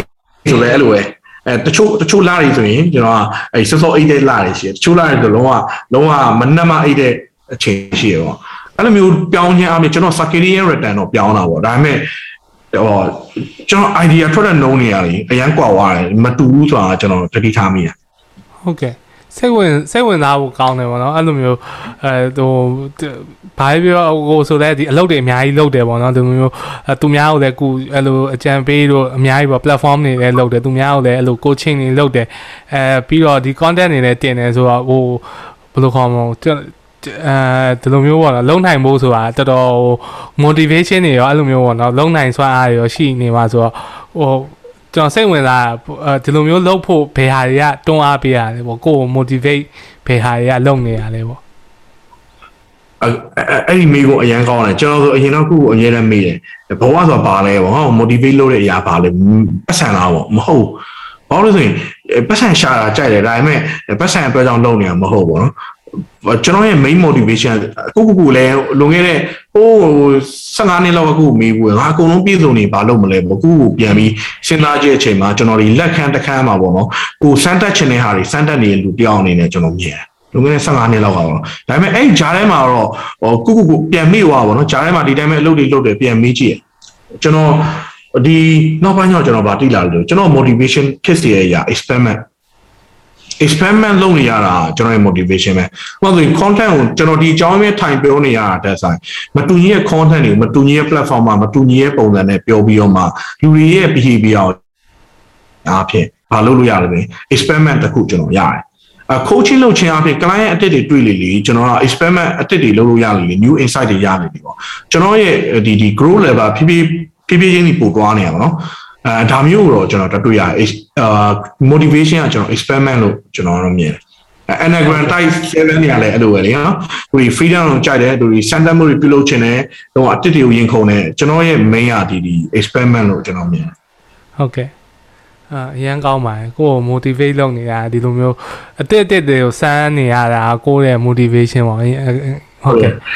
အဲ့တော့ဟိုဒီဟာပေါ့နော်တချို့ဒီလိုမျိုး business လုပ်ငန်းလုပ်တဲ့လူတွေမှာအဲ့လို goal ရှိတယ်ပေါ့နော်အဲကိုလို entrepreneur အခုမှရောဘယ်လိုပေါ့ဘယ်လိုမျိုး goal တွေရှိတယ်ပေါ့ဘယ်ချိန်ရောက်ရင်ငါမလုပ်တော့ဘူးဘယ်နေရာရောက်ရင်တော့ငါအလုံးမလုပ်တော့အဲ့လိုမျိုးစဉ်းစားထားရှိတာဒါမှမဟုတ်တသက်လုံးအလုပ်လုပ်သွားမယ်လို့စဉ်းစားထား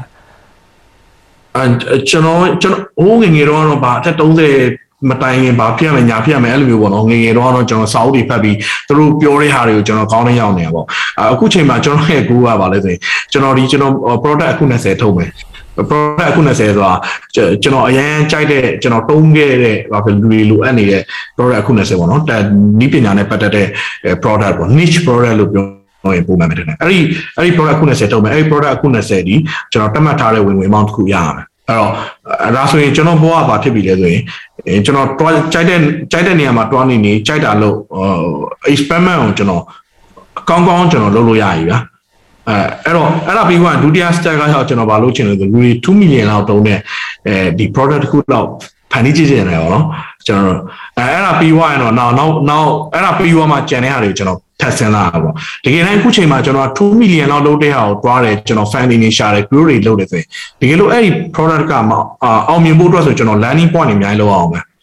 ပြီးသွားလို့ရှိရင်အဲ့ဥစ္စာကြီးကျွန်တော်မရှိတော့ဘူးဆိုရင်ကျွန်တော်အတစ်ဘာပြန်လုပ်အောင်လဲအလုပ်ရှာပဲဖြစ်ဖြစ်တခုခု income source တခုကျွန်တော်ပြန်ရှာမယ်ပေါ့အဲ့ဒီအစားကျွန်တော်အခု20လောက်လိုက်မယ်ဒီကြားထဲမှာ niche brand တွေ behavior တွေတီးတဲ့အတွက်ကြောင့်မလို့ landing point တွေကနေတဆင့်အဲ့ဒီ product အကြီးလုပ်တဲ့ချိန်ကျကျွန်တော်တို့ကအရန်လွယ်ကူအောင်မယ်လို့ ကျွန်တော်မြင်တယ်ပေါ့အော်ဟုတ်ကဲ့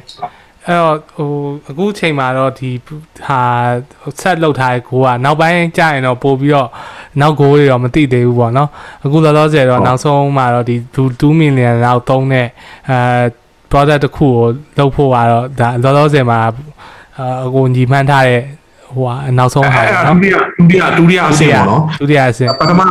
ပထမအဆင့်ကကျွန်တော်အဲ့ကျွန်တော်ရဲ့ဝန်ထမ်းတွေကိုလည်းပြောရဲကျွန်တော်ရဲ့ရွေချက်ကဒီ product 20ကိုပေးလုပ်မယ်อืมဒီဒီဥစ္စာကိုအာဒါဒီငါတို့ရဲ့ number 1ကိုပဲပေါ့ပြီးသွားမှကျွန်တော်အဲ့အလုပ်ပဲနောက်ဆုံးမှတော့ကျွန်တော်ဘာလုပ်ချင်လဲအဲ့ဒီကျွန်တော် spiritual ဘိုင်းလဲကျွန်တော်စိတ်ဝင်စားတော့အဲ့အဲ့ဘိုင်းလဲကျွန်တော်လေ့လာကြတယ်ပေါ့ကျွန်တော်လည်းတော်တော်လေးလဲဖတ်ဖြစ်ပါတယ်ဟုတ်ကဲ့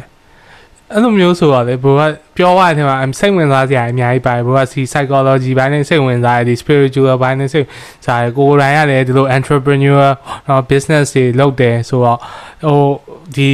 wall ကိုယ့်ရဲ့ခုနပြောရဲဟိုပြောရတဲ့အချိန်မှာဆိုဟိုဘောလောကရဲ့အဓိပ္ပာယ်ဘောအဓိပ္ပာယ်တော့အဲ့တော့ကိုမြင်ထားတဲ့ wall view ပေါ့အင်္ဂလိပ်လိုပြောရင်တော့ wall view ပေါ့နော်ကိုယ့်ရဲ့ outlook ပေါ့နော်အဲ့ဒါဟိုဘိုးရဲ့ outlook ကဘာဖြစ်မလဲပေါ့ကျွန်တော်ဘဝဆိုတာ experience လာယူတဲ့နေရာလို့ကျွန်တော်မြင်တာပေါ့နော် experience လာယူရဥပမာဆိုရင်ကိုဒီထားတော့ကျွန်တော်တို့နိုင်ငံတွေတွားလေပူရမယ်ပြီးတော့လို့ရှိရင် experience ဒီဘဝဟိုပါတော့လူဖြစ်တော့မှလူလူတယောက်ကရှိတဲ့ experience တွေသူရှိရမှာပေါ့နော်ကျွန်တော်တို့ဖြစ်ချင်တဲ့အဲဒီ experience တွေကျွန်တော်လိုက်ရှာမယ်ပြီးတော့လို့ရှိရင်ကိုကိုကိုတိုးတက်ဖို့အတွက်ဆိုရင် experiment တွေလုပ်မယ်ပေါ့ကျွန်တော်တော့အဲ့လိုမြင်တယ် ဟိုရောပင်တချို့အရာတွေကြောင့်ကျွန်တော် control လုပ်လို့ရရရင်ရှင်တချို့အရာတွေဆိုမရအောင်ဗျာဥပမာဆိုရင် wall view မှာဆိုလို့ရှိရင်ကျွန်တော်တို့က belief system တွေလည်းမျိုးစုံရှိမှာပေါ့ဥပမာဆို global နဲ့ပတ်သက်တဲ့ global belief system တော့ကျွန်တော်ရှိမယ်ပြီးရင်ကျွန်တော်တို့တယောက်ချင်းဒီမှာ personal belief system ရှိမယ်ဟုတ်လား liberal ကြိုက်တဲ့လူပါတွေ liberal ကြိုက်တာဒါမှမဟုတ်သူ့ရဲ့ဒီဒီဒီအများကြီးရှိမယ်ဗျာအဲအဲ့ဒီ system တွေကတော့ကျွန်တော်မှလည်း belief တွေကတော့ရှိတာဒါပေမဲ့ကျွန်တော်ရိုးရိုးရှင်းရှင်းလေးစဉ်းစားလိုက်တာ ဘယ်ဟာတွေမှာ control လုပ်လို့ရတယ်ပေါ့နော်အဲကျွန်တော်အဲ့အရာတွေပဲအာရုံစိုက်မယ်ပေါ့ control လုပ်လို့မရတဲ့အရာတွေအများကြီးဗျာဥပမာဆိုရင်ကျွန်တော်ခုဖြစ်တယ်ကျွန်တော် control လုပ်လို့မရဘူး covid ဖြစ်တယ် control လုပ်လို့မရအောင်အများကြီးပဲဒါပေမဲ့ကျွန်တော် control လုပ်လို့ရတာအဥပမာကျွန်တော်ရဲ့ဒီ thinking ကျွန်တော်လုပ်လို့ရတယ် top ဒီကျွန်တော်နော်ကျွန်တော်အတွေးခေါ် action ကျွန်တော်လုပ်လို့ရတယ်အဲ့ဒီဘက်အောင်မယ်ကျွန်တော်အဓိကအာရုံစိုက်လိုက်တယ်အဲ့တော့ခုနကဘဝဆိုတာပါလဲဆိုရင်ခုနက experience လာယူရနေရပါတော့ experience အကောင်းတာရှိမယ်ဆိုးတာရှိမယ်ပြဿနာတက်လာရင်ဒါပဲ experience ဖြစ်ဖြစ်မယ်ပေါ့တရားတွေ learning point ယူမယ်ပေါ့နော်အဲကျွန်တော်တော့အဲ့လိုမြင်တယ်ဟုတ်ကဲ့ဟုတ်စိတ်ဝင်စားဖို့ကောင်းတယ်ဟိုကျွန်တော်ကြားရတယ်လေဒီလိုအဲ့လိုပဲပေါ့အေးကိုကကျွန်တော်အမြင်ကြားအဲ့လိုမျိုးကိုက energy လာစုတာဟောကျွန်တော်အမြင်ကြားအဲ့လိုမျိုးပေါ့နော်ကျွန်တော်ရဲ့ spiritual ဘက်နည်းနည်းပို့ပြီးရောက်မယ်ဆိုကျွန်တော်အဲ့လို energy လာစုတာပေါ့နော်အဲ့လိုမျိုးကို ကောင်းတဲ့ energy ကိုပို့စုနိုင်တယ်ကိုကနောက်ထပ်ဒီထက်ဥပမာပေါ့နော်ကျွန်တော်ဟိုကျွန်တော်ကဗုဒ္ဓဘာသာဆိုတော့ဟုတ်ပြီနောက်ဘဝတွေဆိုလဲကျွန်တော်ပိုကောင်းတဲ့ good energy ပေါ့နော်ကျွန်တော်ဟိုဖះလို့တရားတရားစာလို့ပြောမယ်ဆိုတော့ကျွန်တော်ကုသိုလ်လာယူတာပေါ့နော်ဒါပေမဲ့ကုသိုလ်ဆိုတာတော့ကျွန်တော်ဒီခေတ်ကြီးမှာမပြောချင်ကျွန်တော်ပြောချင်တာဒီခေတ်ကြီးမှာဆိုရင် energy တို့ vibe တို့ပြောရင်လူလူတွေကပိုနားတယ်သိရမလားအဲ့တော့ လာပြီးတော့ good energy ကို collect လုပ်တယ်လို့ပဲကျွန်တော်ကတော့မြင်တယ်เนาะဒီ good energy ကို collect လုပ် good vibe တွေကို collect လုပ်ပြီးတော့မှပို့ပြီးတော့ positive energy ပေါ့เนาะ positive ဖြစ်တဲ့ဟာတွေပို့ပြီးတော့လောက်သွားရောက်သွားမယ်လို့အဲ့လိုအဲ့လိုထင်တယ်ပေါ့เนาะဟုတ် တော်တော်လေးကောင်းတဲ့ idea တခုပဲအရန်ကောင်းတယ်ဘာလို့ကျွန်တော်လည်းကုဆိုရလို့ပဲစဉ်းစားကျွန်တော်နိဗ္ဗာန်ဆိုတာဘာလဲ energy အဖြစ်မရှိတော့တဲ့နေရာလို့ကျွန်တော်စဉ်းစားတာလုံးဝချုပ်ငြိမ်းသွားတဲ့နေရာပေါ့ ဟုတ်တယ် ဒီဟာမရှိခင်မှာခုနကတော့ ခါဘာလို့ဘာလို့ဖြစ်ဖို့အတွက်ဆိုရင်ကျွန်တော်တို့ကဒီတစ်ခုအရင်တစ်ခုတော့ဖို့လို့ energy က form တွေပြောင်းရတယ်နော်ကျွန်တော် energy can neither be created nor destroyed ဆိုကျွန်တော်က physics မှာသင်ရတာဟုတ်အဲ့တော့အဲ့ energy good energy bad energy ပြောင်းသွားတဲ့ကကျွန်တော်အဲ့ energy လို့ပဲကျွန်တော်စဉ်းစားတာပေါ့နော်အခုကိုကိုဆိုးရပြောလိုက်တော့တော်တော်လေးလုံးဝလေး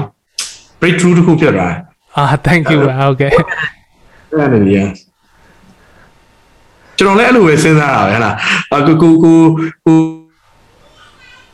ပြောမယ်ဘာလို့လဲဆိုရင်ကျွန်တော်တို့ကဥပမာဆိုရင်အေးဟောပေါ့ခန္ဓာကိုယ်ဆိုလို့ဟောပေါ့နော်ခန္ဓာကိုယ်ဆိုရင်ကျွန်တော်တို့ body ရှိမယ်ပေါ့ body ထဲမှာဆိုကျွန်တော်တို့မှာပါချင် system တွေရှိမယ်ဥပမာဆိုရင်ကျွန်တော်တို့ဟိုဒီ muscular system cardiovascular ဒီ system တွေကိုပြန်ပြီးကြည့် organ တွေရှိမယ်ပေါ့အဲ့ organ တွေကိုပြန်ကြည့်လိုက်မယ်ဆိုကျွန်တော် tissue တွေရှိမယ်ပေါ့အော်ဒီ tissue ပေါ့ဒီ tissue တွေကိုပြန်ကြည့် molecule ပေါ့ molecule တွေမှာ atom နောက်ဆုံးပြန်ကြည့်လိုက်ရင်ကျွန်တော် energy ပဲဖြစ်တဲ့အတွက်ကြောင့်မလို့ကျွန်တော်အကုန်လုံးဒီပါဖြစ်လဲဆိုရင်ဒီဒီခုနကတော့ good energy bad energy ဆိုရတော်တော်လေးကျွန်တော်သဘောကျတယ်ဟုတ်ကဲ့ပါကျွန်တော်လည်းအဲ့လိုပဲကျွန်တော်လည်းဒီတဖြည်းနဲ့အရင်တော့ကတော့ဟိုအရင်ကြီးမစင်စားမိဘူးပေါ့နော်ဒါပေမဲ့အဲ့လိုမျိုးဒီကိုဗစ်ဖြစ်တဲ့နောက်ပိုင်းမှာပို့ပို့ပြီးတော့အဲ့လိုစဉ်းစားမိပြီးတော့ဒီ podcast ဆုပ်ဖြစ်တာလည်းအဲ့လိုပဲပေါ့နော်ကျွန်တော်ဟိုကျွန်တော်တို့အသက်အရွယ်ပေါ့နော်ဒီ30ကျော်ပတ်ချလေအသက်အရွယ်တန်းမှာကြာတော့ကျွန်တော်ကြားမှာကြာနည်းနည်းအဲ့လိုပေါ့ဟို gap ဖြစ်တယ်ပေါ့နော်ကျွန်တော်အသက်ကြီးရဲ့လူတွေလောက်လေကျွန်တော်အမေအဖေလောက်လေဒီတရားသဘောနဲ့အရင်မနီးကပ်ဘူးပေါ့နော်လူငယ်တွေကြာတော့လေလူငယ်တွေကြာတော့လုံးဝဝေးတယ်ပေါ့နော်ဒါပေမဲ့သူတို့ကျွန်တော်တို့က communicate လုပ်ပြခြင်းတယ်ကျွန်တော်တို့အမေအဖေ communicate လုပ်တဲ့ဟို တုံးနှုံးတဲ့စကလုံးတွေဝေးတွေနဲ့ဒီလူငယ်တွေကိုကျွန်တော်တို့ကဒီခုနပြောရဲ့ spiritual ဘိုင်းကိုကျွန်တော် communicate သွားလို့ရင်သူတို့အဘိုင်းလာပြောနေတာသိရမှာအိုနေပြီဖုန်းကြီးကြောင်းပဲသွားတော့တော့ဗာအဲ့လိုမျိုးပြောခံရမှာပေါ့သိရမှာဒါပေမဲ့ခုနပြောရဲ့ကျွန်တော်တို့ choice of words ပေါ့နော်ဒီစကလုံးဘယ်လိုအသုံးနှုံးမလဲကိုကဘယ်လိုဒီ message ကို deliver လုပ်လဲဆိုတဲ့ဟာမှာပဲဟိုကွဲသွားတာပေါ့နော်အဲ့ဒါကြောင့်ကျွန်တော်ကဒီလို ကျွန်တော်ဟိုနားထောင်တဲ့ထဲမှာဆိုလူငယ်များရပေါ့20ကျော်များတယ်ဆိုတော့လေအဲဒီလိုမျိုးလေးကျွန်တော်ကအဲအကြောင်းဟိုဟိုသူတို့လည်းနားထောင်တဲ့အချိန်မှာတခုခုရအောင်ပေါ့နော်အဲ့လိုမျိုးလေးထည့်ထည့်ပြီးတော့ပြောပြကျွန်တော်ကတော့အဲ့လိုလက်ခံတယ်ပေါ့နော်ဒီခုနပြောရဲ့ကိုက positive energy good energy လာပြီးတော့စုတာပေါ့နော်အဲဒီဟာစုပြီးတော့ကိုကကြောပွေးတဲ့ထည့်ပြီးတော့ဒုံးဆိုပြန်ရင်လည်းပြန်သွားမယ်ပေါ့သိရမလားတခုခုပေါ့အဲ့လိုမျိုးဆိုတော့အဲကျွန်တော်ကတော့အဲ့လိုအဲ့လိုမှတ်ယူထားပါတယ်ဟုတ်ကဲ့ ဟုတ်ကဲ့ကိုဆိုတာ thank you ပါဟုတ်ကဲ့အခုကျွန်တော်တို့လည်းတော်တော်လေးအချိန်နဲ့ဟိုဟာဖြစ်လာပြီဆိုတော့လေအာကျွန်တော်ဒီဒီ opinions and thoughts ဒီလိုမျိုး podcast အာဒီလိုမျိုးလာပြောရတဲ့ experience ပေါ်မှာဒီ experience ပေါ့အခုကျွန်တော်နဲ့တနားရီလောက်ကြာပြီပေါ့နော်စကားပြောခဲ့ရဆိုတော့ဘလို့အဲ့ပေါ်မှာ comment လေးနည်းနည်းပေးပါအောင်ဟုတ်ကဲ့ ကျွန်တော်ကျွန်တော်တနိုင်လို့မခံစားရအောင်ဘာလို့လဲဆိုရင်ကျွန်တော်တကယ်ဝါဒနာပါတဲ့ဟာတွေစိတ်ဝင်စားတဲ့ဟာတွေ ਨੇ အရင်အခုဆိုကိုစိုးရနဲ့ဆိုအခုမှတွေ့ဘူးอ่ะเนาะကျွန်တော်အပြည့်ဒီဒီဒီ face to face တွေ့ဘူးอ่ะဒါပေမဲ့အရင်ရင်းနှီးနေလို့ကျွန်တော်ခံစားရတယ် ဟုတ်ကဲ့ပါကျေးဇူးပါ အကိုဟာရေဆိုလဲပေါ့ကျွန်တော်လည်းတကယ်ပြောရင်တကယ်ဟိုဟိုတိုက်တိုက်ဆိုင်ဆိုင်ပဲပေါ့နော်အဲ့လိုမျိုးဟိုဂျိုင်းမှာဟိုကိုလာကိုလာပြေကိုလည်းကျေးဇူးတင်ရမယ်ပေါ့နော်ကိုလာပြေက club house ကိုအကိုခေါ်ထားတယ်တဲ့ကျွန်တော်လာပြောတယ်လာပြောရင်းနဲ့မှအော် အော်ဟုတ်လားဗောဒီဒီဟာဒီကိုငါလည်းသိရဗောနော်သူဟာရေ content နေမိုက်တယ်ဗောနော်သူပြောတဲ့ဟာတွေကပြီးတော့အဲ့လိုမျိုးဗောဟိုဘရိုက content တွေအဲ့လိုပေါ့ပေါ့ပါပါတချို့ဟာရေဆိုရင်ဗျာလန်ကူးနေနဲ့ဗီဒီယိုရိုက်ပြီးတော့အဲ့လိုမျိုးဟာလေးအဲအဲ့ဒီဟာကျွန်တော်ကျွန်တော်ဘယ်လိုပြောရမလဲကျွန်တော်တို့ကအရန်ကက်ချီဖြစ်သွားတယ်ဗျာအဲ့ဒီဟာလေးတွေကသိတာအဲအဲဟိုဒီဒီဒီမြန်မာပြည်မှာဆိုရင်အဲ့လိုမျိုးပေါ့နော်ဘယ်လိုပြောရမလဲဒီလို educate education နဲ့ပတ်သက်ပြီးတော့ပေါ့နော်ဒီလိုမျိုးအာပြောတဲ့အဲ့လိုမျိုး influencer လို့ပဲပြောရမှာပေါ့နော်ကျွန်တော်အဲတုန်းကကြာတော့ဘယ်လိုပြောရမလဲပေါ့နော်အဲ့လိုမျိုး influencer လို့ပဲပြောခေါ်ခေါ်အောင်ပါပေါ့နော်အဲ့လိုမျိုးတွေ့တဲ့အချိန်မှာကြာတော့ဟာတော်တော်မိုက်တယ်ပေါ့နော်ဒါမျိုးအဲငါတို့နိုင်ငံမှာပို့လို့တယ်ပေါ့နော်အဲ့လိုမျိုး public speakers တွေပေါ့နော်ကျွန်တော်အဲ့လိုထင်တယ်ကျွန်တော်နိုင်ငံမှာအဲ့လိုမျိုး public speakers တွေ အဲ reach နေလို့ထင်တယ်ပေါ့နော်ကျွန်တော်အဲ့ဒီဟာလေးတော့နည်းနည်းမြင်မိတယ်တချို့အာဘယ်လိုခေါ်မလဲရှိတော့ရှိရဗျာဟိုအရင်ဟိုမပြောတတ်ဘူးကျွန်တော်ထင်တာစာတွေပဲရေးတာများတယ်ဗျာဗီဒီယို content လောက်တာနည်းတယ်ကျွန်တော်အဲ့လိုထင်တာပဲအဲဟုတ်တယ်ကိုစိုးကပြောရရပါကျွန်တော်တို့ကိုစိုးကစတည်တာအဲ anagram မှာကျွန်တော်ဟာအရန်ကိုပြောသွားတာကျွန်တော်ဒီအဲ community ရှိရဆို public speaker နဲ့ပတ်သက်လာရင်ကျွန်တော်မြင်တာလေ knowledge gap က ဥပမာဆိုရင်တချို့ရောက်လဲစာအရန်ဖတ်ပြီးအရန်ဘာဖြစ်နေလဲတချို့ basic လေးကြောင့်တိတ်မပြောချင်တော့ဘူးလေဒါပေမဲ့ကျွန်တော်နိုင်ငံမှာရှိတဲ့လူငယ်တွေ80ရာခိုင်နှုန်းလောက်ကကျတော့ဘာဖြစ်လဲဆိုရင်တချို့ဥပမာအင်္ဂလိပ်လိုနည်းနည်းလောက်တုံးလိုက်အောင်သူကနားမလဲဘူး အဲ့တော့အဲ့ public speaker အနေနဲ့ကြောက်လဲ6 6နှစ်အရွယ်ကလေးပြောတာနားထောင်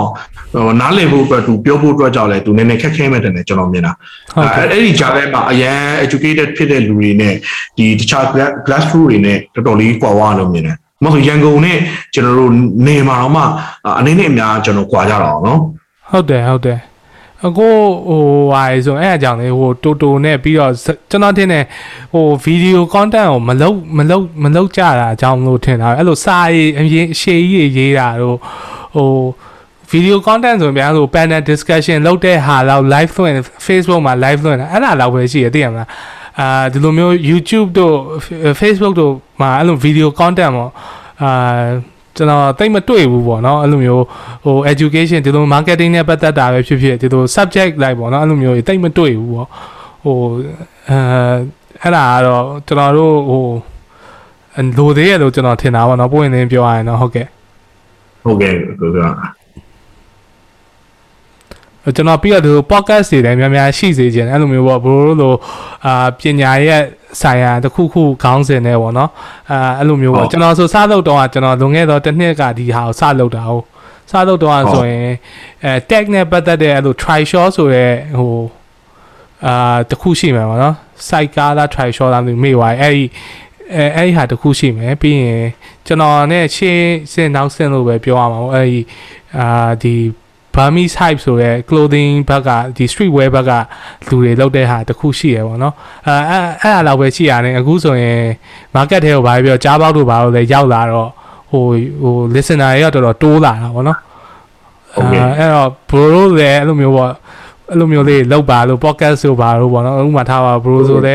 အာဒီ marketing နဲ့ပတ်သက်တဲ့ဟာပဲဖြစ်ဖြစ်အဲ့လိုအဲ့ဒီဟာနဲ့အဲ့ခေါင်းစဉ်အောက်မှာသိရမှာတခြားဒီလိုမျိုး psychologist တို့ဘာလို့လဲ psychology နဲ့ marketing နဲ့ဘယ်လိုလုပ်လုပ်လဲတို့ဘာအဲ့လိုမျိုးဟာလေးအာ sharing လုပ်နိုင်ပို့ပြီးတော့ကောင်းမယ်လို့ထင်တယ်ဟုတ်ကဲ့ကျွန်တော်ကျွန်တော်2019တော့ Anchor ကိုစအသုံးကြည့်သေးတယ်2019တော့အဲ့တော့ Spotify အတူမဝယ်သေးဘူးအဲ့တော့ကျွန်တော်အဲ့အဲ့တော့ကျွန်တော် share တဲ့ချိန်ကျတော့ နောက်နောက်နဲ့လူတိတ်မရှိတော့ကျွန်တော်တိတ်မလုပ်ဖြစ်ဘူး2018မှာတခုတင်တယ်တိတ်မလုပ်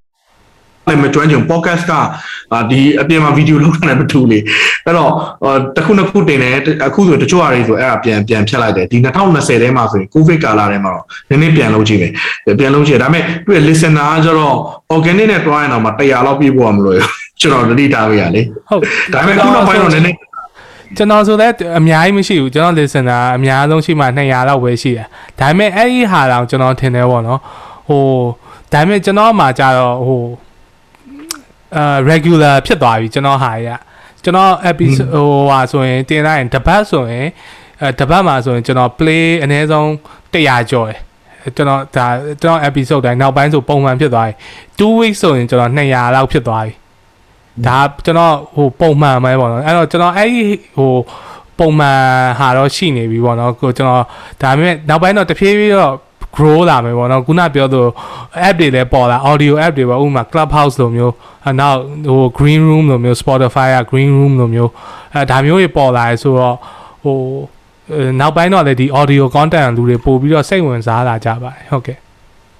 ဟုတ်တယ်ကျွန်တော်လည်းအဲ့လိုမြင်တယ်အခုနောက်ပိုင်းကို motion တို့ဘာလို့လောက်တာတော့ဟိုတွေ့လာပါတော့ပြီးရင်ဖတ်ပြမယ်တို့ဘာလို့လည်းရှိရတယ်ねဟုတ်တဒီယ် podcast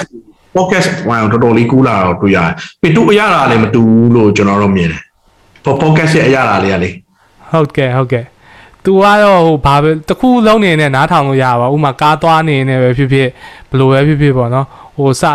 အခုလိုမျိုးဟာဆိုလဲကျွန်တော်ထင်နားထောင်တဲ့လူတွေဆိုအများကြီးတခုခုရမယ်ပေါ့နော်အများကြီးမဟုတ်တော့တခုလောက်တော့သူတို့ရသွားမယ်ပေါ့ကျွန်တော်ပြောနေတဲ့အထက်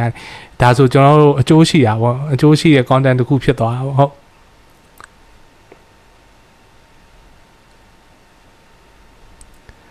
ဟာလိုင်းကြပါလားမသိဟောရပြီ အော် sorry ကျွန်တော်မီးပြတ်သွားတာခုမှအော်ရတယ်အဲဆိုရင်ကျွန်တော်လည်းဟိုဟာဖြစ်သွားပြီဆိုတော့ဟုတ်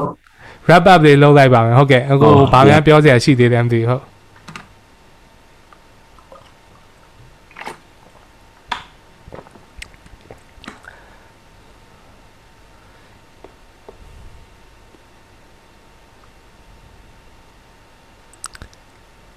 ဟုတ် sorry ပါကိုဆိုရတယ်ဟုတ်ပြန်အခုမှပြီ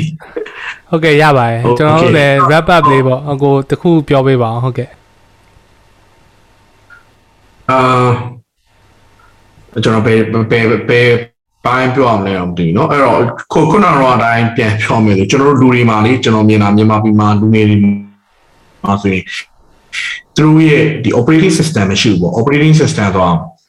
သူတို့ရဲ့ယုံကြည်မှုပေါ့နော်ဥပမာဆိုရင်ဗုဒ္ဓဘာသာဆိုလို့ရှိရင်လည်းသူမှာအာကျွန်တော်တို့ရဲ့ဒီဒီတကယ်ကိုဘယ်လိုပြောမလဲ ဗုဒ္ဓဘာသာရဲ့အနစ်ပေါ့ဒါမှမဟုတ်သူ့ရဲ့ philosophy ဆိုလို့ရှိရင်လည်း philosophy of life ပေါ့အဲ့ဒီ operating system တစ်ခုလိုတယ်လို့ကျွန်တော်မြင်တယ်ပေါ့နော်အဲ့တော့အဲ့ operating system တစ်ခုရှိသေးတယ်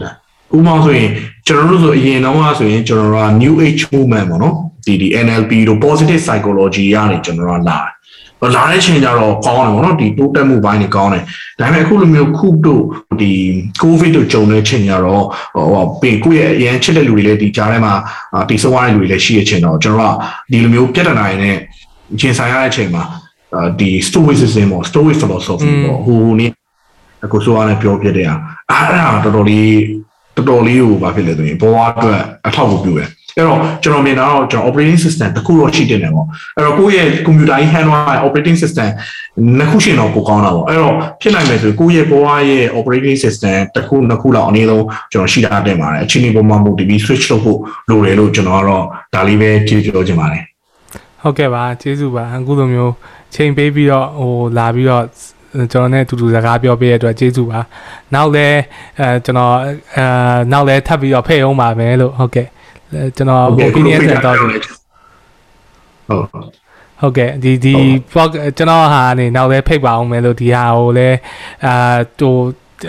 ကျွန်တော် YouTube နဲ့ကျွန်တော်ပြီးရင် Spotify ပေါ့နော် Anchor ကနေတဆင့်ကျွန်တော် Spotify အာဒီ Apple Podcast မှာတင်ဟိုဖြစ်သွားမယ်ကျွန်တော် link တွေပို့ပေးလိုက်ပါမယ်ကျွန်တော်အခါကြလဲ share ပေးပါအောင်ပေါ့နော်ဟုတ်ကဲ့ဟုတ်ကဲ့ပါဟုတ်ကဲ့ပါကိုဆိုရကျေးဇူးအများကြီးတင်ပါတယ်ခင်ဗျာဟုဟုတ်တ်ကဲ့ကဲ့အခုလိုချိန်ပေးရကျေးဇူးပါအဲဒါဆိုကျွန်တော် recording လေးပိတ်လိုက်ပါပြီဟုတ်ကဲ့ ဟုတ်ကဲ့ပါအားလုံးမင်္ဂလာရှိတော်နေ့လေးဖြစ်ပါစေဟုတ်ဟုတ်ကဲ့